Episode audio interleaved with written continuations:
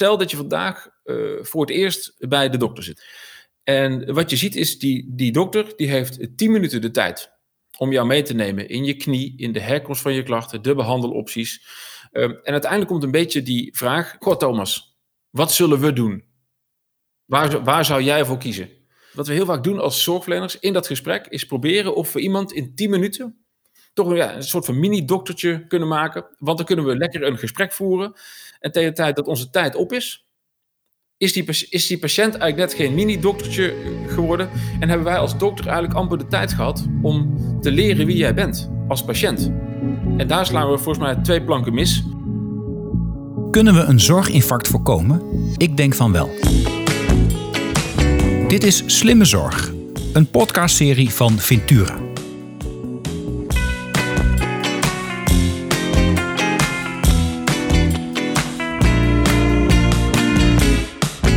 Mijn gast van vandaag is Thomas Timmers. Thomas is een van de oprichters van het bedrijf achter de Patient Journey app. Deze app biedt patiënten de juiste informatie op het juiste moment en verzamelt ondertussen ook waardevolle data om samen beter te kunnen beslissen en de uitkomsten van de zorg te kunnen monitoren. Op 1 oktober 2021 verdedigde hij zijn proefschrift aan de Radboud Universiteit te Nijmegen met de titel Patient Empowerment Through Timely Information. Hey Thomas, wat ontzettend leuk dat je meedoet aan de Slimme Zorg podcast. Ik, uh, een verse promovendus in de, in de podcast, dat heb ik ook niet dagelijks. Uh, um, maar vers gepromoveerd of niet, de eerste vraag is altijd dezelfde. Wat is volgens jou slimme zorg? Ja, ja dankjewel. Dankjewel ook voor de uitnodiging. Hartstikke leuk dat ik vandaag mag meedoen aan deze, aan deze podcast.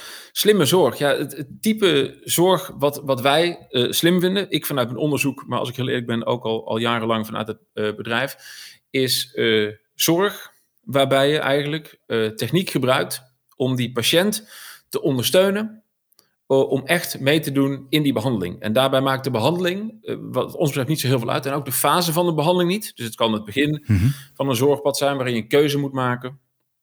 Het kan de voorbereiding op, op, een, op een behandeling zijn of de nazorg daarvan. Um, als je patiënten in staat stelt om grip en begrip te hebben op dat zorgpad of die fase van dat zorgpad, dan gaan volgens mij patiënten steeds meer en steeds beter doen waarvan jij als zorgverlener bedacht had dat dat een goed idee was.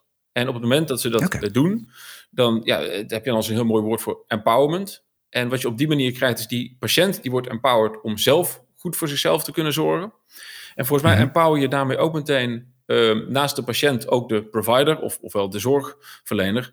Um, omdat het, het, het, ja, het rendement, om dat woord maar te gebruiken, van, het, van de zorg die je levert, uh, wordt veel hoger. En als je dan die techniek aan, tot slot nog inzet om, als die patiënt dan uit de bocht vliegt, want je kunt natuurlijk mensen heel, heel mooi gedoseerd door de tijd informatie aanbieden, maar je kunt evengoed uh, gedoseerd door de tijd informatie opvragen. En het uh, kunnen bepaalde scores zijn, of die nu uit een vragenlijst of uit een wearable of wat dan ook komen. En als daarin nu iets fout gaat, of patiënten hebben een vraag, dan komt die ook gedoseerd door de tijd op het juiste moment aan bij zo'n zorgverlener. En dan kunnen mensen in actie komen uh, wanneer het de bedoeling is. Wanneer die patiënt er iets aan heeft en dus die zorgverlener ook. En dat is, ja, dat is wat wij zien als slimme zorg. Oké. Okay. Nou, dat, dat, dat, haakt heel erg aan, hè, aan, aan ja, het is bijna een modewoord, hè, samen beslissen. Ja. Um, uh, is een van de laatste wetten die ik nog als Kamerlid uh, heb uh, mee moeten mogen werken en, en, heb aangenomen. Is een aanpassing van de wet op de medische behandelingovereenkomst. Waarin tegenwoordig wettelijk verankerd is hè, dat, dat iedere behandeling die moet voorafgegaan worden door een samen beslissen proces. Ja. Nou, dat staat heel mooi in de wet. Ja. Er, staan wat, er staan wat voorwaarden in waar het aan zou moeten voldoen. Want natuurlijk heb tijdens die wetsbehandeling nogal nagedacht van ja, hoe gaat dat dan? En iedereen, soms vinden mensen dat wel moeilijk. Um, maar ik heb nog steeds het idee in de praktijk, het is allemaal mooi samen beslissen. Maar lang niet elke patiënt zit erop te wachten dat hij besluit moet nemen. En uh, niet elke zorgverlener vindt het even handig om, uh, zo om, om, om dan allemaal afhankelijk te zijn van wat ook een patiënt vindt. Maar ik hoor jou zeggen, je moet het juist wel doen. En je moet het heel actief ondersteunen, want daar knapt de zorg van op. Ja. En, en heb je nou ook kunnen aantonen dat het inderdaad ook zo is? Nou, een, een van de eerste onderzoeken die ik uh, deed, en dus leuk, want het is een van de eerste die ik heb gedaan. En het is ook nu eentje die weerspeelt een nieuwe studie die we zijn gestart. Maar daarbij zijn we gaan kijken. Stel dat je vandaag uh, voor het eerst bij de dokter zit. En de dokter was in mijn geval een orthopedisch chirurg voor mensen die worden doorverwezen met, met klachten aan hun knie. En wat je ziet is, die, die dokter die heeft 10 minuten de tijd om jou mee te nemen in je knie, in de herkomst van je klachten, de behandelopties, um, de risico's, de voor- en nadelen daarvan. Um, En uiteindelijk komt een beetje die vraag, naast ook het bekijken van een röntgenfoto en een lichamelijk onderzoek. God Thomas, wat zullen we doen? Waar, waar zou jij voor kiezen? En, en, en ik weet goed, een van de eerste gesprekken die ik had met mijn uh, promotor, Jan Kremer, uh, uit, uh, uit Nijmegen, die zei: wat we, wat we heel vaak doen als zorgverleners in dat gesprek is proberen of we iemand in 10 minuten toch ja, een soort van mini-doktertje kunnen maken. Want dan kunnen we lekker een gesprek voeren. En tegen de tijd dat onze tijd op is, is die, is die patiënt eigenlijk net geen mini-doktertje geworden. En hebben wij als dokter eigenlijk amper de tijd gehad om te leren wie jij bent als patiënt. En daar slaan we volgens mij twee planken mis. En dan zijn we eerst gaan kijken, moeten we dan niet Um, en dat was dus die eerste studie die we hebben gedaan. Moeten we dan niet kijken? Als ik vandaag over een week een afspraak heb in het ziekenhuis, zou je dan met een app mensen iedere dag een heel klein beetje informatie kunnen geven over één thema, heel gecategoriseerd, uit dat gesprek? En dat betekent bij dat hmm. bezoek aan die orthopedische chirurg dat je het eerst gaat hebben over uh, wie en wat is orthopedie? Wat doen we daar? Ja. En morgen ga ik het met u hebben over, over uw knie. Want voor heel veel mensen is die knie in de spreekkamer dat goed bedoelde modelletje om jou ja, uh, kennis te laten maken met je eigen knie. De meeste mensen die ik ken hebben die knie nooit gezien zonder huid en haar daaromheen. Dus het goed bedoelde uh, model van de knie, waar je langs de kruisbanden en de meniscus gaat om bij dat kraakbeen te komen, daar raken mensen je eigenlijk al kwijt. Die denken, oh, de oh, meniscus, daar weet ik toevallig zelf, hè, daar heeft papa last van. En die kruisband, dat is van die sporter. Maar de essentie van het model was dat laagje kraakbeen wat is beschadigd. En dan gaan we het hebben over conservatief behandelen. Ofwel niet opereren. En dan gaan we het hebben over opereren. Maar dat je wel eerst conservatief moet doen. En dan kun je denken aan A, B, C en D. En als je het niet hebt gedaan, dan sturen we je lekker toch terug naar de eerste lijn. En de risico's bij een operatie, tet, tet, tet, tet. Dachten als we dat nu iedere dag, gedoseerd door de tijd, je dat was eens vertellen voordat we elkaar voor het eerst spreken, mhm. heb jij dan meer kennis over waar we het over gaan hebben? En kun je dan wat beter meedoen in het gesprek? En ben je dan wat zekerder over de keuze die je maakt? Dat was het allereerste mhm. onderzoek wat ik ooit deed. En het bleek inderdaad dat als je dus mensen gedoseerd door de tijd meeneemt, dat ze in absolute zin meer kennis hebben. Dat ze zich mhm. ook ja, uh, uh, beter uitgerust voelen qua kennis dan de mensen in de groep die de app niet hadden. Uh, in allebei die groepen gold overigens dat ze het gesprek met de dokter fantastisch vonden. allebei kregen een dikke 9. Op, op een schaal van 0 tot 10, de zorgverlener kreeg, altijd, kreeg eigenlijk altijd wel een 9. Alleen als je dan de dag daarna vroeg aan mensen: Waar heb je voor gekozen? En hoe zeker ben je daarover? Dan zag je eh, dat, dat, uh, dat, dat, een, dat een aanzienlijk deel van de, van, van de mensen um, die de app niet had gebruikt, twijfelde over waar, waarover ze hadden gekozen. En een aantal het, het gekozen beleid niet eens meer wist. En toen dacht ik, oh, maar dit is, dit is, wel, dit is wel best wel pijnlijk, hè? Uh, Dus het gesprek vonden we allebei top. En als je voor zijn allebei die groepen vraagt, maar, en waar heb je dan voor, dan voor gekozen? Dat een aanzienlijk deel van de mensen zegt, dat weet ik eigenlijk niet meer. Wonderbaarlijk. Nou, wonderbaarlijk. Het verbaast me ook weer niet. Nee. Wat ik wel zo, wat ik, nee, nee, nee, ik, ik ken, ik ken, ik ken andere, uh, wel studies uit het verleden, maar die keken meer achteraf. Hè, dat je dan, uh, dat ging over, uh, over in vitro fertilisatie, dat, dat, dat, dat, dat patiënten helemaal daar meegenomen ja. zijn. En, en dan op het moment alles geprobeerd hebben om zwanger te worden, niks lukt. En dan komt het laatste punt, is dan nog een IVF. Wat een ingrijpende behandeling is, met een lage succesrate, met ook wel ja, naar emotionele bijwerkingen. En, uh, en daar doen onderzoeken gedaan van, nou, kunnen we nu niet uh, zo'n stel, wat je dan als laatste dit voorstelt, zeggen we nemen nu geen besluit, maar je krijgt informatie mee. Over twee weken kom je terug en dan nemen we een besluit. En dan blijkt inderdaad dat als je mensen de tijd geeft om in eigen tijd informatie tot zich te nemen, dat ze dan uh, beter, beter, belegd, beter onderlegd besluiten nemen. En ook, vond ik interessant, vaak een conservatievere uh, behandeloptie kiezen. Dat bleek in ieder geval destijds dat onderzoek. Uh, maar jij zegt, ja, maar je kunt dat ook vooraf doen. Ja, en, dit is natuurlijk wel een, het is een klein beetje uh, ziektebeeld specifiek. Hè, want want mm -hmm. iemand die, met, die, die, die al langdurige klachten heeft aan zijn knie, die kan een huisarts doorsturen naar het ziekenhuis. En dat, dat is, dat, dan is de kans dat het ook echt met die knie te maken heeft, is best wel groot. En dan heb je een soort van twee mm -hmm. grote groepen. Het heeft iets met slijtage te maken of met de stabiliteit van die knie. Um, mm -hmm. En een knieën is natuurlijk qua emotionele beladenheid wel iets anders dan mensen die al jarenlang proberen uh, een kindje te krijgen. Of uh, je kunt ook, ook moeilijk stellen, je hebt één keer uh, bloed bij de urine of bij de ontlasting. Dan kun je moeilijk iemand al naar het ziekenhuis sturen. Nou, kijk vast even naar de app van prostaatkanker. Want die kans is, dan ga je waarschijnlijk mensen emotioneel beladen op een manier die gewoon heel, heel onterecht is. Omdat dat het waarschijnlijk helemaal niet is. En wat je dan wel, mm wat je dan kunt doen, is mensen eigenlijk achteraf zeggen van nou, we hebben net dit gesprek gehad. Uh, ik heb je net heel veel dingen verteld, waarvan heel veel dingen ook misschien best wel moeilijk zijn, best wel spannend. Um, daarom krijg je deze app mee. Hierin wordt gedoseerd over de dagen, ondersteund met video's en quizvragen. Uh, neem ik je eigenlijk nog een keer mee door dit hele verhaal. En probeer dan uh, hier samen, gewoon thuis, rustig op de bank nog eens over na te denken. En ik denk dat je op die manier dat samen beslissen ook handen en voeten kunt geven. En dat hangt ook wel een beetje samen met een, met een, met een studie uh, die, die nu loopt. Waarbij we zeggen, we hebben een paar jaar geleden al gekeken. Kunnen we als we die patiënt gedoseerd door de tijd informatie brengen, kunnen we hem of haar dan beter uitrusten om deel te nemen aan het consult? Maar kunnen we het ook niet andersom doen? Kunnen we ook niet die patiënt gedoseerd door de tijd informatie vragen, die dan, uh, voordat jij in de spreekkamer zit, bij die dokter zijn aankomen? En wat je op, op die manier krijgt, is een patiënt die beter weet wat er belangrijk is voor de dokter. En een dokter die beter weet wat er belangrijk is voor die patiënt. Dus ik snap beter als patiënt waar dokter Arno het vandaag over wil hebben. Maar dokter mhm. Arno weet ook heel goed wat mijn achtergrond is van mijn klachten. Hoe lang, wat zijn de symptomen, wat heb ik er zelf al, al aan gedaan. En uh, hoe ziet mijn dagelijks leven eruit met, met werk, sporten, hobby's. En met name ook, wat is Thomas een doel van dit gesprek? Want wat je best wel vaak volgens mij ziet in de spreekkamer, is dat een zorgverlener met de allerbeste bedoelingen ter wereld zal zeggen: Goh, Thomas, hoe kan ik jou helpen? Wat is jouw zorgvraag? En als je mhm. mensen die vraag stelt in de spreekkamer, ik denk dat heel veel mensen zich dan overvallen voelen. Terwijl als je die vraag stelt in de week voordat we elkaar zien, en je kunt er eens over nadenken en je zet er wat voor, voorbeelden bij van waar je aan zou kunnen denken, dan komen mensen mhm. vaak met hele goede verhalen. En dan merken we daardoor dat mensen komen nu beter voorbereid op dat gesprek met die dokter.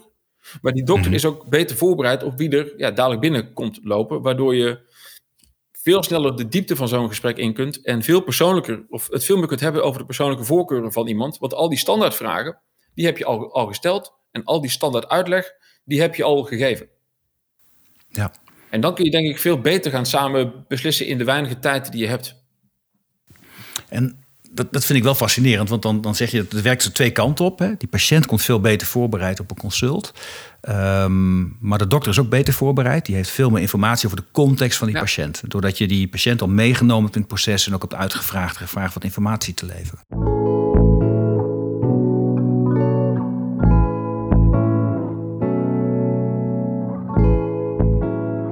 Dat klinkt allemaal wel heel bewerkelijk. In, in de zorg is iedereen hartstikke druk. Er nou, nog meer vragen, nog meer lijstjes, nog meer informatie. Um, hoe krijgen mensen daar nou in mee? Ik, heb, ik, ik, mijn gevoel zeg ik dan van nou, maar als je, als je echt de juiste beslissing in één keer neemt, dan scheelt het ook vast weer achteraf heel veel gedoe. Dus daar zit, zit, zit, zit het voordeel. Maar dat, moet je, dat, is, dat is dan mijn gevoel. Kunnen we dat ook aantonen dat het zo is? Ja, kijk, en, en, en zeker bij het laatste voorbeeld wat ik gaf, daar, uh, daar is het daar is het eigenlijk wel een stuk makkelijker. Omdat er, er zijn denk ik heel weinig medisch specialisten uh, die, die niet ja beginnen te knikken op het moment dat je zegt, goh, hè, dan heb je weer zo'n ochtendpoli. En al die patiënten mhm. die binnenkomen, daar voer je eigenlijk hetzelfde vraaggesprek mee. Je moet altijd een soort van dezelfde vragen stellen om tot een zo goed mogelijke anamnese of uh, diagnose te kunnen komen. Of in ieder geval een richting van de diagnose. En wat als je al die vragen nu vast zou stellen als die patiënt thuis is? Dan scheelt jou het stellen van altijd dezelfde vragen. Het is niet zo mhm. dat op het eind van de tien minuten de tijd voorbij is, maar het gesprek eigenlijk niet. Uh, toevallig kun je met techniek die ingevulde vragenlijst heel mooi verwerken tot een automatische brief. En als die dan al in je EPD staat, hoeveel heb jij dan op die poliochtend, hoeveel heb jij dan al gewonnen voor je eigen werkplezier? En hoeveel mhm. persoonlijker denk je dat het gesprek met die patiënt kan worden? En daar hebben we laatst toevallig een, een, een hele korte interviewstudie naar gedaan. En het, het mooiste wat eruit kwam, was dat patiënten ook zeiden: Het is net alsof ik hier vandaag voor de tweede keer ben. Want ik kom hm. binnenlopen. Goh, Arno, fijn dat je er bent. Goh, ik, ik, ik, zie dat je al best wel lang klachten hebt. Ik, ik, zie ook wat je werk is en je hobby's. En ik zie ook wat je zorgvraag voor vandaag is. Wat jouw doel is. En wat een dokter natuurlijk als geen ander kan, is jouw doel en achtergrond afzetten tegenover die medische voorgeschiedenis die je net zelf hebt ingevuld. Ja. En wat je dan krijgt is een gesprek wat, ja, wat voor de dokter leuker is om te voeren. Want het is niet weer hetzelfde riedeltje wat je bent afgegaan. Met diezelfde 20, 30, soms wel 40 vragen. Voordat het gesprek op gang komt. En voor, jij als patiënt ervaart het als een heel persoonlijk stuk eh, zorg. Want ja, die, die, die, die, dokter die, die weet al wie je bent en waar het over gaat. Kun je echt tot de kern komen. Dus juist in dit voorbeeld uh, kost het ons niet heel veel tijd om mensen zowel, aan, zowel de, de zorgverlenerskant als de dokters, of sorry, als de patiëntenkant ervan te overtuigen dat hier nog wel makkelijk uh, meerwaarde valt te halen. Nee, ja, ik vind het een heel, heel mooi voorbeeld. En, en ook wat je zegt, hè, het behandeldoel. Als je daar ook als patiënt van tevoren over nadenkt. Wat wil je nou? Wat vind je nou echt belangrijk? Als je, je misschien een beetje sturen, dat iemand ook snapt wat, wat, wat doelen zouden kunnen zijn. Um, dan kun je als arts ook inschatten of dat haalbaar is met een interventie. Ja, of nee. En, en, mensen kunnen vaak heel hoge verwachtingen hebben. Ik ga maar doen.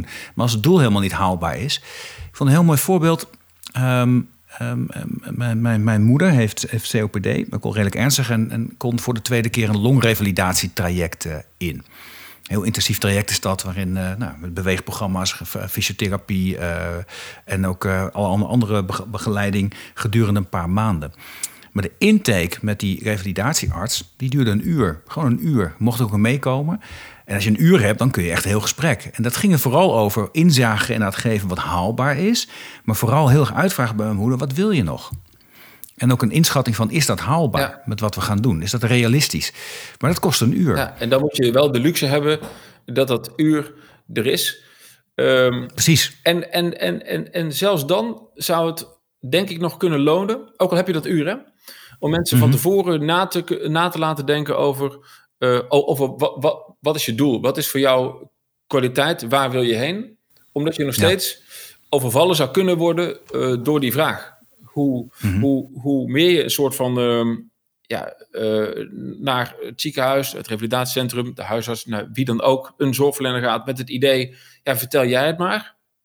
Hoe meer je iedere keer weer overvallen zult zijn door de goed bedoelde vraag, maar wat kan ik voor je betekenen? Wat zijn jouw doelen? Wat is voor jou kwaliteit? Ja, ja. Uh, weet ik veel. Eh, met een beetje perk is dat het antwoord. En dan kan een uur ook heel lang gaan duren. Nou, zeker. Nee, zeker. Maar ook de hele, de hele ontwikkeling naar uitkomstgerichte zorg, value-based management, uh, value-based healthcare. Um, um, het loopt al zo ontzettend lang. Ik werd zelf Tweede Kamerlid in 2012 en toen was die discussie ook al bepaald niet nieuw. We hebben gezegd, nou, we moeten af van betalen per verrichting. We moeten gaan betalen voor uitkomsten. Iedereen applaus. Hè? Dat uh, was voor mij in 2010 al in een motie door de Kamer gegaan. We zijn inmiddels in 2021. En, en er zijn heel veel studies en het schiet niet op. En dat komt ook omdat de belangrijkste uitkomst is kwaliteit van leven. Dat is eigenlijk misschien wel de enige relevante uitkomst in het kader van zorg. Wat draagt bij aan jouw kwaliteit van leven? Die is per definitie subjectief. En dat vinden we dus lastig. Maar als je van tevoren mensen meeneemt in een besluitproces en wat zijn je doelen, dan kun je dat wel achterhalen en kun je waarschijnlijk ook vooraf daar veel beter op sturen. Hoe kijk jij daarnaar? Nou, uh, daar ben ik het zonder meer mee eens. En, en los van het feit dat je denk ik aan de voorkant veel kunt doen. Hè, als je mensen mhm. bewust maakt um, van, van denk zelf eens na over kwaliteit. Maar laten we ook samen kijken of de verwachting die je hebt reëel is. Uh, heel veel mensen, of laten we zeggen 15 tot 20 van de mensen die geopereerd wordt aan hun knie, dus die een knie mhm. vervangende prothese krijgen, uh, grote operatie, super succesvol. En toch is 1 op de 5 ongeveer is niet tevreden. Niet omdat die knie er niet recht in staat, maar omdat hij uh, achteraf gezien niet leverde wat ze er vooraf van verwacht hadden. Mm um, dus dan is de value, die is misschien klinisch gezien heel hoog. Hè? Er eh, staat er recht in, geen complicaties, knie buigt en strekt helemaal prima voor wat je van een prothese mag verwachten. Eh, maar die patiënt is, die is ontevreden. En dat is natuurlijk onomkeerbaar. En ik denk dat als je mhm. dus wil sturen op, op kwaliteit, dan moet je in het begin van die journey, moet je samen proberen een keuze te maken die zo goed mogelijk past bij jou en jouw voorkeuren. En maar ook natuurlijk bij uh, je lichaam en bij hoe ziek je bent, et cetera, wat je aan kunt. Maar ook, uh, ja, uh, we hebben bijvoorbeeld nu, nu een heel mooi project lopen uh, rondom uh, prehabilitatie. Dus het fitter je mhm. operatie in. Nou, kun je mensen ook prima door de tijd heen meenemen. Waarom moet je dit doen? Hoe, wat, waar denk je aan met oefenen? Waar denk je aan met voeding? Mentaal welzijn, roken, drinken, stoppen, et cetera. Even goed mhm. als dat je zegt van, we hadden, vooraf hadden we doelen bepaald. Weet je nog, toen in het begin van die journey. En achteraf hoort daar wel een revalidatieprogramma bij. En of dat dan in een revalidatiecentrum is, of het betekent dat je thuis na je operatie ook gaat eh, trainen, je jezelf houdt aan beweegschema's, om eruit te mhm. halen wat erin zit, zeker ook afgestemd op jouw doelen, is dit dan wat je zou moeten doen? En natuurlijk kun je mensen dan een goed gesprek meegeven, uh, drie linkjes naar, naar YouTube en een kopietje van een kopietje van een kopietje met daarop bewegingen die je thuis zou, thuis zou kunnen doen. Ja, het is, het is om van te lachen, maar ook soms, soms om van te huilen dat dat wel is wat er gebeurt. Of je kunt zeggen, we gaan je nu begeleid door de tijd uh, oefeningen aanbieden. We gaan vragen of dat je die aan kunt. Zo ja, dan passen we de oefeningen een beetje aan. Zo nee, dan, hoef je, dan gaan we je ook niet pushen om dingen te doen die je nog niet kunt of wilt. Uh, en ik denk dat je op die manier ook heel erg kunt sturen op uitkomst en kwaliteit. En ook met name uh, los van wat de fysieke of functionele uitkomst van iets of iemand is, dat je daarmee ook een heel ander gevoel van tevredenheid en betrokkenheid kunt maken. Want eigenlijk ga, ga je mensen iedere dag aan de hand nemen virtueel. En dan is samen beslissen ook niet iets wat je voorafgaand aan de behandeling doet, maar is, een, is iets wat je gedurende de hele behandeling met elkaar blijft doen. Je blijft continu samen beslissen over wat is de volgende stap, hoe ziet dat eruit, hoe kan ik je daarbij helpen, wat is de bijdrage die jij moet leveren, et cetera, et cetera. Ja, want er zijn zoveel fasen in dat zorgpad waarin we inderdaad samen da daadwerkelijke keuze maken voor uh, die behandeling. Maar ook samen de daadwerkelijke keuze maken over hoe je je daar zo goed mogelijk op voorbereidt. Samen gaan bepalen hoe je uh, na bijvoorbeeld een operatie of na het gebruik van medicatie, hoe je zo goed mogelijk kunt herstellen. Uh, En mhm. doe je iedere keer, beslis je of bespreek je dat samen en daar komt een plan uit. En dat is dus eigenlijk uh, dat samen beslissen speelt zich op, op heel veel punten in de tijd af. En, en ik denk altijd dat je voor iedere vorm van iets beslissen heb je informatie nodig om, die, om, om het besluit goed te kunnen nemen.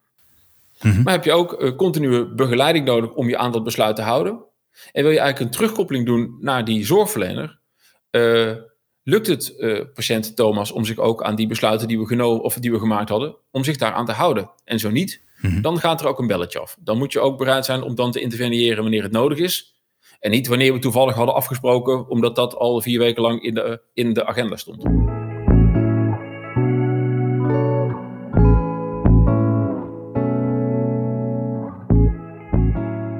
Klinkt wel als een intensief proces, eh, Thomas. Dat, dat, dat vraagt toch ook inspanning om dit goed te doen? Of kun je dit ook heel goed technologisch dusdanig ondersteunen dat het minder, nou ja, dat, dat, dat het goed organiseerbaar is? Ik denk dat het. Nou, eh, je, je, je kunt dit technologisch zien heel goed ondersteunen. Wat daarvoor nodig is, is met name uh, inzet, input aan de voorkant. Uh, wat wij heel vaak doen is, we noemen dat een, een patient journey mapping sessie.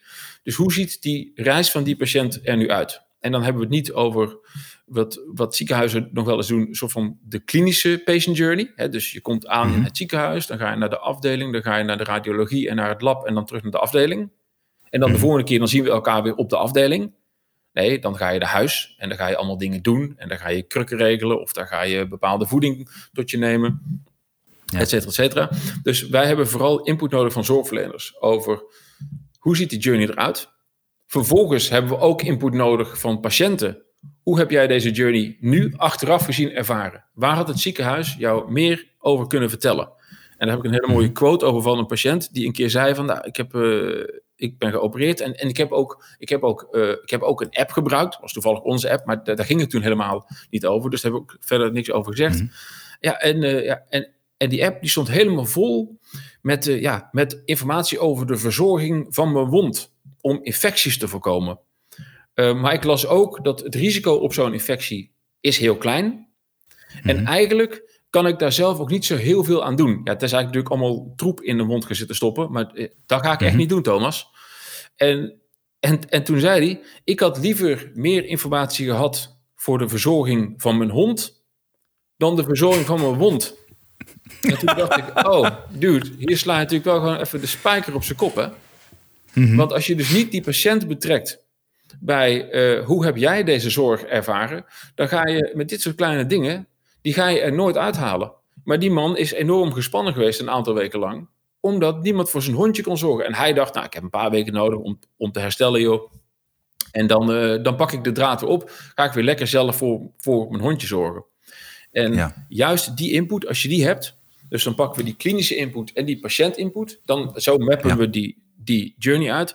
En wat we vervolgens hebben geleerd is wat precies nul keer werkt, is als je, als, is als je zegt: Goh, uh, dokter Arno, we hebben samen bij een, uh, bij een collega ziekenhuis hebben we een, uh, hebben een hele mooie journey gemaakt. En die kunt u ook gebruiken. Want dan zegt dokter Arno: Nou, sorry, maar wij doen het hier eigenlijk allemaal net iets anders. En de, de, de soort van mooie bedekkende term daarvoor in Nederland is volgens mij praktijkvariatie. Nou, dat is prima, daar heb ik ook niks van te vinden. Uh, maar dan moet je de technologie dus zo maken dat je kunt zeggen: Nou ja, Dr. Arno, gebruik deze journey ter inspiratie. Doe daarmee wat je wil, voeg toe, verander, gooi dingen weg.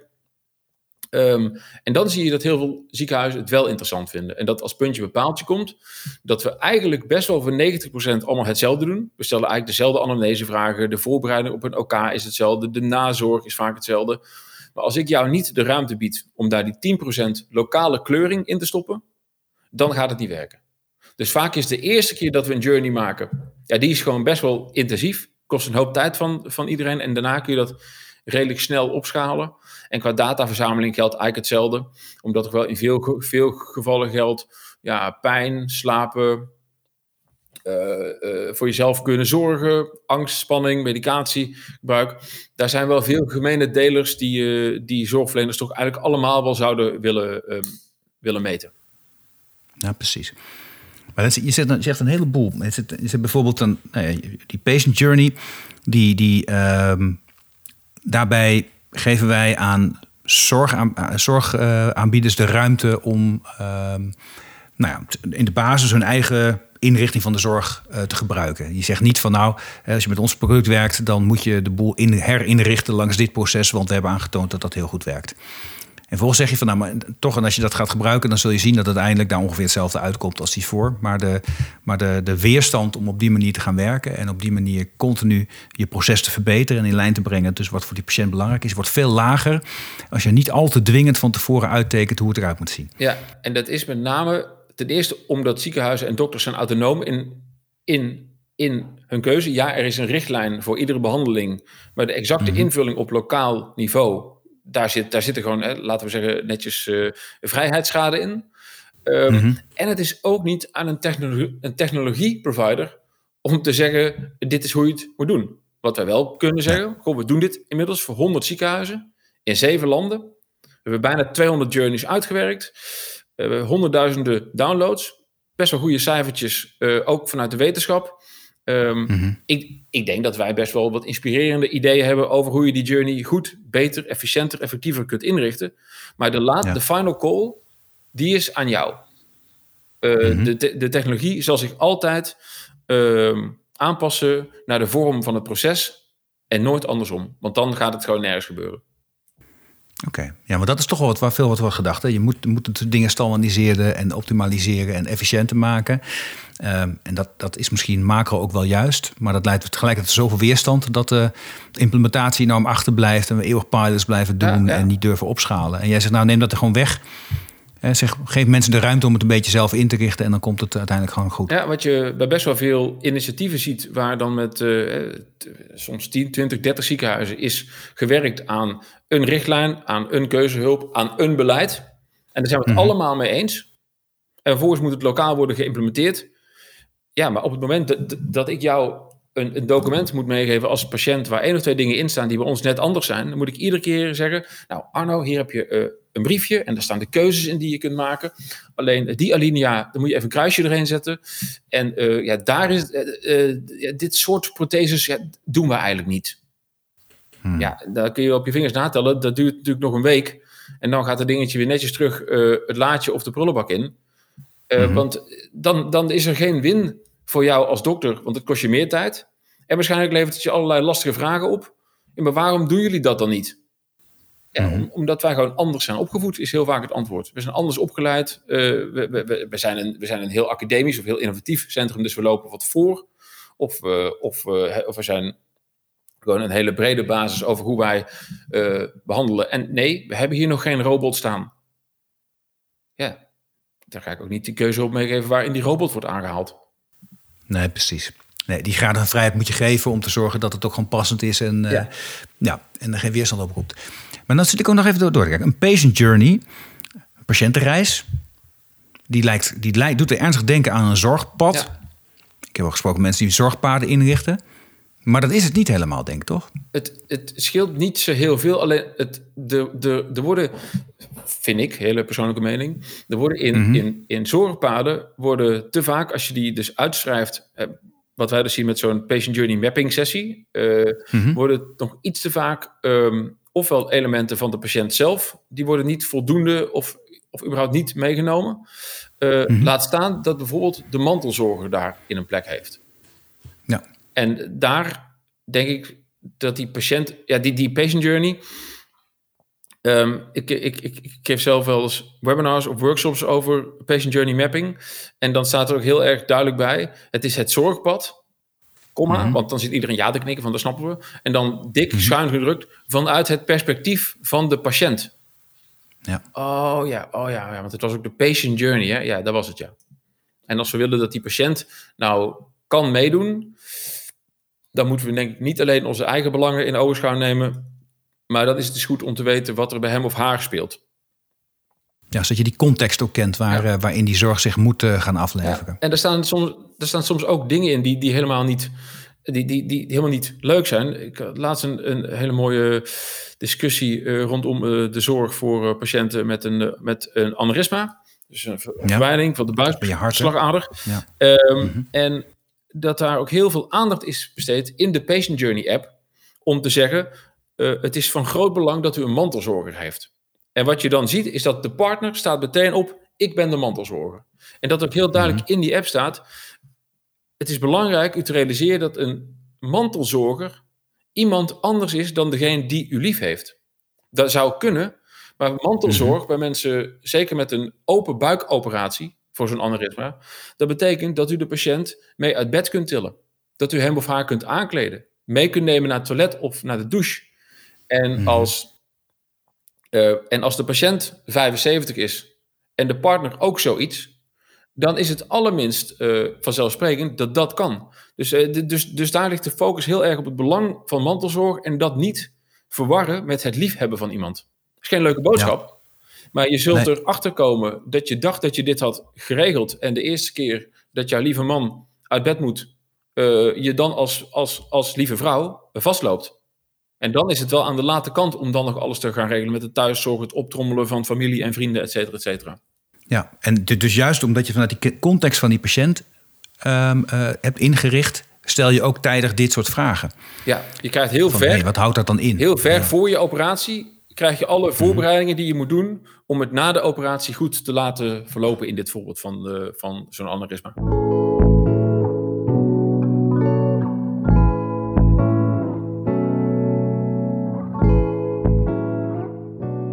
Nou, nou, toch nog even doorgaan. Het verschil tussen een zorgpad en een patient journey. Um, een van de dingen waar ik mij druk over maak, is dat we, dat we leven in een zorgsysteem dat, um, nou, het zich 15 jaar geleden redelijk goed functioneerde. Hadden een redelijke balans tussen jongeren en ouderen. En, en, en in de basis hebben we een zorgsysteem dat als je gezond bent, dan ben je mooi gezond. En als je wat kleins hebt, ga je naar de huisarts. En als je iets specifieks hebt, dan. En die huisarts weet heel veel van. Uh, van uh, weet weinig van heel veel, zou je het kunnen zeggen. En als je dan iets specifieks hebt, dan ga je naar een, een medisch specialist. En die weet heel veel van heel weinig. Uh, dat is een beetje het idee. Die kan helemaal de diepte in. En dat is hartstikke mooi.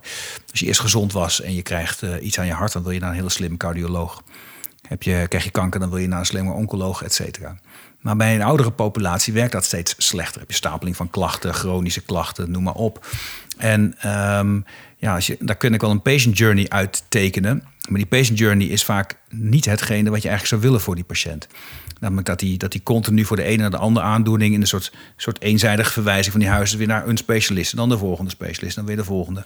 Je zou eigenlijk daar een patiëntenreis willen gaan vormgeven... waarin je rondom die patiënt wikkend en wegend op basis van kwaliteit van leven zegt: dit doen we wel, dit doen we niet, dit doen we dicht bij huis.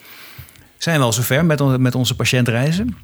Of is dat nog een beetje een droom? Nee, dat is wel, uh, dat is, dat is wel een droom. Um, de, wat wij hebben gezien in de afgelopen jaren in de ontwikkeling van die reis, en dat is veel meer om te zeggen dat het is een, een droom klinkt, klinkt als iets wat er misschien wel nooit komt of heel ver weg is. Dat denk ik niet. De, de, de ontwikkeling die wij in de afgelopen laten we zeggen, vijf jaar hebben, hebben gemaakt, is ooit begon je in die Patient Journey app voor één enkele indicatie. na diagnosestelling tot en met elkaar. En dan kreeg je nog één berichtje waarin stond: Nou, we wensen u veel succes thuis met het herstel. Denk aan de, denk aan de oefeningen. Dan belt u het ziekenhuis en pak uw pijnstillers. Einde journey. Mhm. Toen bleek dat je mensen juist postoperatief veel beter kunt helpen. Dat je ze weken of maanden lang kunt begeleiden. Dus toen stretchte die journey zich eigenlijk naar achteren. Toen kwam op het, uh, het mooie onderwerp samen beslissen. Oh, maar dan moet eigenlijk die journey, die moet, die moet dus naar voren. Toen gingen we dat samen beslissen, ging nog verder naar voren vanaf de doorwijzing van de huisarts. En wat we nu mhm. zien is dat we uh, de eerste anderhalve lijns projecten doen. Uh, bijvoorbeeld in artrose-netwerken hebben we iets heel moois gemaakt in de regio Alkmaar met het Noordwest ziekenhuis. Dat je, dat je die uh, patiënt nog eerder oppikt, dat die journey nog eerder begint. Dus we zien nu eigenlijk weer dat die journey wordt een steeds continu, steeds langer iets. En uh, in de app uh, kun je, uh, kun je sinds, sinds ruim een jaar kun je wel voor verschillende journeys tegelijkertijd hebben. Dus je kunt mm -hmm. een chronische journey hebben voor je COPD. en misschien wel bij hetzelfde ziekenhuis of bij een ander ziekenhuis loopt daar een journey langs voor een knieprothese of een cataractbehandeling. daar zit nog niet de slimmigheid in dat, dat, dat, dat al die journeys van elkaar weten. Hey, je hebt laatst deze vragenlijst ingevuld. Ja, als je die mhm. hebt ingevuld voor je CPD-kwaliteit van leven, ja, dan hoef je hem eigenlijk voor die knieprothese hoef je niet meer in te vullen. En dat is enerzijds een technisch foefje, maar het is ook een beetje de vraag, uh, want kwaliteit van leven is een heel mooi concept. Er zijn ook, weet ik veel, tientallen gevalideerde vragenlijsten die het kunnen meten. En toevallig mhm. is die uh, bij COPD is een andere vragenlijst dan uh, de lijst die ze inzetten bij de mensen met een knieprothese. En ook al zou die lijst hetzelfde zijn, dan schrijft de richtlijn voor de knieprothesologie voor dat die kwaliteit van leven vragenlijst nooit ouder mag zijn dan zoveel weken voor of na een bepaald event. En de kans dat dat weer overlap heeft met COPD. En zo krijg je zoveel als, als, als dan scenario's, dat het mhm. heel lastig wordt om al die journeys in elkaar uh, te schuiven. Maar ik ben het met je eens, dat is waar het heen moet, dat is waar je heen wil. Um, en daar, moet, daar, moeten wij vanuit de techniek zeker nog het een en ander aan doen. Maar dan zullen ook concepten waar nu hard aan wordt gewerkt, door, zoals de generieke PROM, de generieke Patient Reported Outcome, die spelen daar qua dataverzameling wel echt een hele belangrijke rol bij. Ja, nou, je kunt je voorstellen dat je, dat je, dat je een zeg maar, nieuwe uh, patient journey gaat inrichten, namelijk die van de kwetsbare ouderen. En je op een bepaald moment kun je voorstellen dat, dat een huisarts en, uh, concludeert van ja, weet je, dit, dit is misschien wel een kwetsbaar iemand. En dan kom je aan een nieuw soort reis. En waarin je um, nou ja, misschien wel een specialist oudergeneeskunde een prominente rol krijgt. De mantelzorger meer naar voren wordt getrokken. En je, ja, ik, kan ik kan me daar wel iets bij voorstellen dat het, dat, dat mogelijk zou moeten zijn. Maar dat om het, geen, om, het, om het te halen uit al die losse reizen en dat dan maar bij elkaar te voegen. Nee, ik kan me voorstellen dat werkt ook niet. Uh, nee. Want er zit ook heel veel waarde in om een optimaal zorgpad te hebben voor een knie dat, eh, dat, dat is ook belangrijk. Dat als je als zeker is dat iets aan je knie moet gebeuren, dat je die reis perfect uittekent en dat je aan de voor- en de achterkant de juiste dingen doet. Ja, dan, uh, maar het is wel een, een, maatschappelijk vraagstuk inderdaad. Je, je ziet, het is bijna een soort transitie waar je in terechtkomt. Van, uh, op een bepaald moment zoveel een optelsom aan klachten hebt dat je een andere manier van zorg nodig hebt, een andere manier van organiseren. En ook die, ook die reis er anders gaat uitzien ik verwacht wel dat het op ons pad gaat komen uiteindelijk. Ja, we hebben dat ook, ook wel eens gezien met het gebruik voor mensen die meerdere ziektes hebben. En daardoor ook meerdere medicijnen gebruiken. Je kunt iemand best een zorgpad geven voor medicijn A. Je kunt iemand ook een zorgpad geven voor medicijn B en C. Het mooiste zorgpad zou zijn, wat, wat ook snapt wat de interactie tussen A, B en C is. Um, waardoor, want je mag best medicijn A pakken.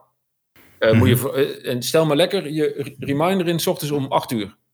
En medicijn C mag je ook pakken, maar mag nooit binnen zoveel uur eh, van medicijn A worden ingenomen. Ja, als zo'n app dat niet weet, er zit zoveel onderliggende interactie in al die journeys en patiëntenspecifieke kenmerken. Daar, uh, nou, daar, daar, daar, daar, valt, daar valt nog genoeg te, uh, te dromen en, en, en zeker nog heel veel te halen. Maar het is wel uh, is een mooi project voor de komende jaren om daar eens goed naar te kijken. Ja, maar gelukkig, dan zijn we al met elkaar nog niet klaar. Dus dat, dat is goed. nee, nee. Maar ik, ik wil je ook zeggen, hè, dus, dus, dus we, we doen het wel. We hebben de Patient Journey app. Uh, die, die, die neemt feitelijk de, zowel de zorg aanbieden als de, de, de patiënt en zelfs de mantelzorger mee op reis. Ja. Gedurende het hele traject. En je blijft heel wat informatie vragen aan de patiënt en de mantelzorger. En die blijft ook informatie geven. En de, en de arts geeft weer informatie terug. En samen ga je zo door dat hele behandelproject. Ja. Dat is een, een, een, een schat aan data. Ja. Waar, waar, waar je wellicht op termijn ook wat mee zou kunnen. En het interessante is volgens mij wel dat uh, er zijn heel veel nieuwe ontwikkelingen in de zorg. Wij zeggen hoe meer wij weten, hoe beter wij de zorg kunnen organiseren. Maar de grote vraag is van tevoren: van hoe kom ik dan aan de data? Hoe kom ik aan die informatie van die patiënt? Ik wil jou zeggen, als je dat van tevoren, als dat standaard is een manier waarop je zorg levert, dan komt die data eigenlijk automatisch je kant op. Of zie ik dat te makkelijk? Nee, ja, het, het, het blijkt ook met steeds meer uh, studies die we daar zelf naar doen. Hè, want daar hebben we dan inmiddels wel geleerd nooit een claim maken in de zorg uh, zonder dat je goede cijfers hebt. Wat, wat, ik, mm -hmm. wat, wat, ik, wat ik helemaal goed en terecht is hoor. Maar stel, jij zit, wij zitten nu allebei thuis. Gezellig zoals nu in deze woonkamers. Um, en we krijgen nu uit het niks allebei een mailtje. En er staat in dat we een vragenlijst moeten invullen. En die vragenlijst die vullen we wel of niet in. Um, de eerste keer vaak wel, maar daarna, ja, goed, die vragenlijst is nooit besproken met mijn dokter. Uh, die vragenlijst, uh, ik heb überhaupt het ding nooit teruggezien. Ik kan hem zelf ook nergens terugvinden. Ik kan mijn eigen voortgang niet inzien. Je ziet dat bij heel veel systemen of heel veel zorgpaden, uh, daar neemt de respons door de tijd. En die neemt dramatisch af, als hij al niet dramatisch laag was op het begin. Hè? Ja. En als je nu de situatie pakt dat we allebei in dezelfde woonkamer zitten. En we hebben gisteren hebben we een bericht gehad van die app om ons te helpen in de voorbereiding op iets. En uh, twee weken geleden ook. En afgelopen weekend hebben we nog een video gezien van een van de verpleegkundigen die me uitlegt hoe ik dit of dat moet doen. En diezelfde app, die continu jouw ding is komen brengen, die komt jou nu iets vragen. Namelijk wil je deze vragenlijst invullen. En als je dat doet, dan krijg je, hoe bazaal ook, hè, dan krijg je je eigen respons en je eigen voortgang krijg je te zien. Dan, is, dan zijn mensen zoveel meer genegen om dat te doen, want het is die app die continu is komen brengen. En nu komt hij ook iets halen. En bij dat halen staat ten eerste, dit gaat naar je dokter. Die gaat dit de eerste volgende keer dat jullie elkaar zien, kun je dit bespreken. En want je kunt het dan mooi laten mooi weergeven in het EPD. En ook al doet hij dat niet, dan heb je op zijn minst hier uh, nog een voortgang van jezelf. Op de dimensie pijn of bewegen of kwaliteit of wat dan ook. Ja, dan wordt natuurlijk je, je, je incentive om de ding in te vullen, die wordt heel anders. Dus wij zien bij heel veel zorgpaden dat we, uh, dat we na 12 maanden 70, 80, soms wel 90% respons hebben. Uh, dat is echt enorm veel. Zolang, ja. zolang die app je maar blijft helpen. Hè? Dus je kunt niet zeggen, ik geef iemand een week lang coaching en dan zal hij zijn, zijn, zijn proms na 365 dagen ook wel invullen. Op het mhm. moment dat je, uh, natuurlijk wordt de frequentie lager, dat is nog iedereen. Hè? Uh, goh, mm mijn naam is Dr. Timmers, u bent inmiddels ruim 11 maanden thuis. Ik hoop uiteraard dat het goed gaat met u, dat u met de knie weer de dingen kunt doen die voor u belangrijk zijn. En binnenkort ontvangt u van onze vragenlijst en ter voorbereiding op uw 12 maanden controleafspraak zouden we het heel fijn vinden als u die lijst wil invullen. Videootje van 23 seconden, los uit de mouw geschud. Eh, maar het, je zet patiënten wel nog even aan om na te denken over het invullen van die vragenlijst en waarom je dat doet. Wat, wat is de win voor jou om dit ding in te vullen? En er wordt iets te vaak aangenomen dat mensen dat doen omdat het wordt gevraagd. Ja, en het ziekenhuis vraagt dat. Ja, en, en als de helft van de vergelijking in value-based healthcare moet komen uit patiëntgerapporteerde uitkomsten, ja, mhm. dan is het wel lullig als je er op het eind van het jaar van 32% die data hebt. Want dan is er wel een aanzienlijke groep die je even hebt gemist. Zeker. En dan mag je ook afvragen of dat nog wel representatief is wat je krijgt. Ja, dat, dat denk ik uh, niet.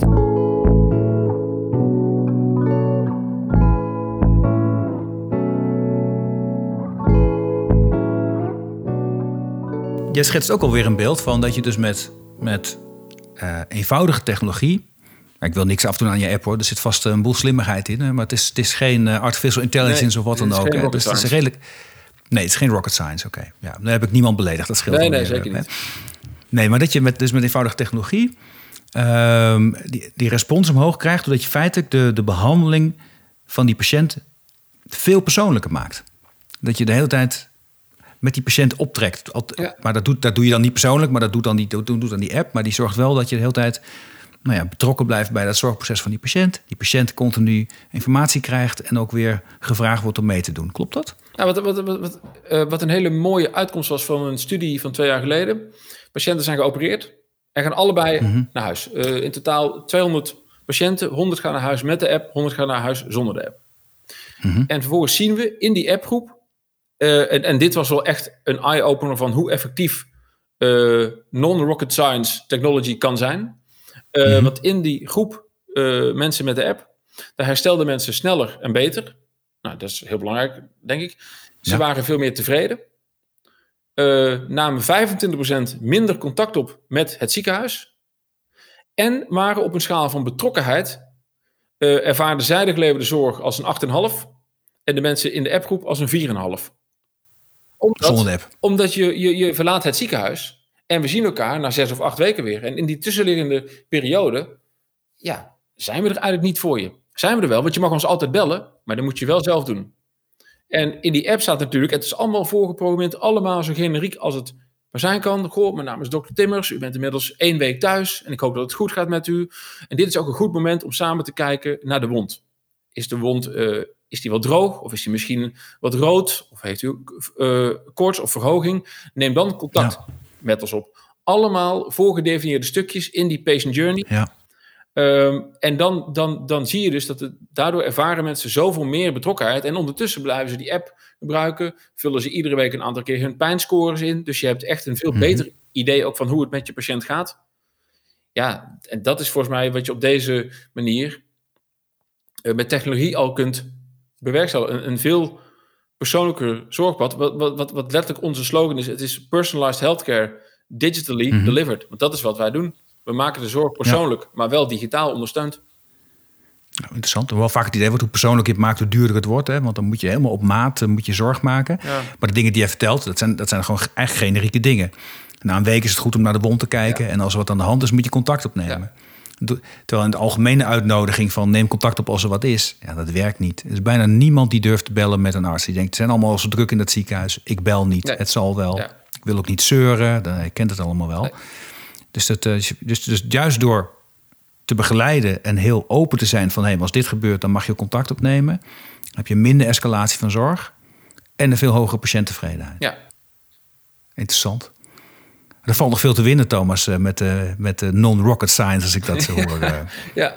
ja, zeker, ja. Maar, wat voor belemmeringen zie jij nog om dit te gaan doen? Wat, wat loop je in de praktijk nog tegenaan? Ja, kijk, de, de, de, de, ik, ik ben wel blij uh, dat dit steeds, steeds minder alleen maar geroepen wordt vanuit, uh, vanuit de tech-kant. Uh, ik las er van de week nog een heel mooie noodkreet, zou ik het niet noemen, maar wel een, wel een hele mooie column over op LinkedIn. Ook van een, van een hoogleraar, dus vanuit een ziekenhuis. jongens, we moeten echt afstappen van het not invented here syndroom. Mm. er zijn zoveel mooie dingen out there. kijk daar ook eens naar. En waar wij heel veel ook tegenaan lopen is. En, en, en, en, ik, en ik snap het, hè. Ik snap dat je zegt. Uh, Higgs tenzij, Epic tenzij, Nexus tenzij, ofwel het EPD. We doen alles EPD first, tenzij. En ik, ik, ik, nou, ik zou wel durven te pleiten voor. Maak die tenzij wat ruimer. Als een zorgverlener een idee heeft. Um, want want de, alles moet gedreven worden vanuit de zorg en de patiënt. Als er, als er een aanleiding er is, er is een probleem en er is in de markt een oplossing. Ja. Uh, en die oplossing die valt in de ruimte van de tenzij. Hè, want wij kunnen bijvoorbeeld mensen begeleiden door de tijd met video's, daarbij pijnscores meten en bepaalde promptvragenlijsten, bla bla. Mm -hmm. Allemaal dingen die EPD's nu niet kunnen. Maak dan op zijn minst voor één of twee jaar de ruimte, tot het EPD het wel kan. Hè? Um, ja. Dan gaan wij weer netjes, uh, bedenken we wel weer iets nieuws. Um, maar gun in die tenzij, dus via het EPD tenzij, maak daar wat meer ruimte. Staat daar zorgverleners en patiënten toe om die processen efficiënter, effectiever, leuker, meer data-driven te maken, wat dan ook. Uh, ja. da daar lopen wij wel vaak, uh, vaak tegenaan. Dat daar een okay. beetje weinig ruimte is. Als je nu ook een oproep zou, oproep zou mogen doen naar de politiek, tot slot. Die, die in de wereld van de zorg misschien ook al een klein beetje vorm geeft. Er komt een nieuw kabinet aan als het goed is. Misschien wel een nieuwe minister van Volksgezondheid. Je zou het zelf mogen worden, Thomas. Anders uh, word je gebeld als belangrijke adviseur. Maar wat zou je dan, wat zeg je, wat, wat moet er echt gaan gebeuren in Nederland in die zorg? Wat zie je? Zo, er zijn wel een paar grote mooie thema's. Ja, wat, wat voor mij nog steeds ergens een soort van de gemiste uh, kans of afslag uh, lijkt te zijn, zul je nooit weten, ach, natuurlijk achteraf, omdat het niet mm -hmm. is gebeurd. Maar iets met een land, landelijk EPD. Dat was toch wel bijzonder prettig geweest. Ervan uitgaande dat het landelijk EPD dan zou doen, veilig en vriendelijk zou zijn, maar dat je met name niet iedere keer hetzelfde gesprek hoeft te voeren. Mogen we alsjeblieft data ontsluiten? Want je zou ook kunnen denken, op het moment dat ik als patiënt daartoe die toestemming geef, ja, dan is het toch verder prima.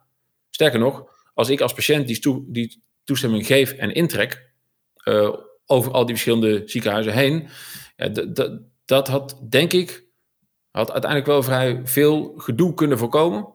En aan de andere kant, ik, ik, uh, ik zie ook wel veel, iedere keer weer worden er projecten worden opgestart. En dit klinkt misschien mhm. een klein beetje cru, maar ik, ik vind het ook bij het samen beslissen uh, stuk nu. Het, het, is niet de eerste keer wat je in het begin van deze podcast al aangaf. Uh, uh, dat dit thema aandacht krijgt. Het is, ook, het is ook een mhm. belangrijk thema, het is ook een goed thema. Maar ik zei het laatst, en dat was om, om, om de discussie maar een beetje scherp te stellen en een beetje op gang te krijgen. Feitelijk zijn we nu voor de zoveelste keer een campagne gestart rondom samen beslissen. We hebben nieuwe posters, hangen in, in, in alle ziekenhuizen hè, met die twee gekleurde vlakken. We hebben volgens mij een nieuw logo. Mhm. We zijn op radio en televisie. Maar waar het eigenlijk om gaat, waar samen besloten wordt, nou bij die patiënt en die zorgverlener. Die zorgverlener heeft geen minuut meer tijd gekregen. Die patiënt heeft geen, geen, geen punt of geen procent meer kennis over waar die over gaat besluiten. Hoe gaan we dan samen beslissen? Um, en dit was toevallig met de werkgroep samen beslissen, ook vanuit het ministerie. En dan, dan, dan zie je dus dat er heel erg wordt, wordt gestruggeld van, ja, daar heeft hij, het klinkt niet leuk, maar hij heeft wel een punt. Um, en, en daarom zijn eigenlijk juist die initiatieven, die ik zelf in het begin van deze podcast noemde, maar er zijn ook tal van andere. Hè. Er, er zijn hartstikke veel bedrijven die samen met ziekenhuizen hartstikke mooie dingen maken. Um, en het is zo jammer uh, dat heel veel daarvan niet verder komen dan, ja, dan, dan, dan de paar plekken waar het draait. En dan moet je weer door dezelfde hoepels en dezelfde struggles heen. En daar zit wel een hoop vertraging op. Valt wel heel veel te winnen als ze toch keuzes durven maken, als ik jou zo hoor. Daar zouden denk ik heel veel dingen een stuk makkelijker en sneller uh, implementeerbaar maken. Ja. Oké. Thomas, mag ik jou heel erg bedanken voor dit mooie gesprek. Nou ja, heel graag gedaan. Hartstikke leuk nogmaals uh, dat ik uh, aan deze podcast uh, mocht deelnemen. Als trouwe luisteraar ook een keer ja, zelf maar. Dat horen we graag. hartstikke leuk. Dankjewel daarvoor. Dit was Slimme Zorg. De podcast waarin nagedacht wordt over oplossingen waarmee een zorginfarct voorkomen kan worden. Een podcastserie van Ventura. Abonneer je op deze show via iTunes of Spotify en voel je vrij om een review achter te laten. Ik vind het zelf enorm leuk om te lezen wat jullie van de podcast vinden. Je mag me ook mailen op podcast.ventura.com. Vond je de podcast leuk? Dan heb ik een opdracht voor je. Vertel over de podcast aan een van je vrienden of collega's. Mijn naam is Arno Rutte. Dit was Slimme Zorg. Je hoort mij over twee weken weer in een nieuwe aflevering.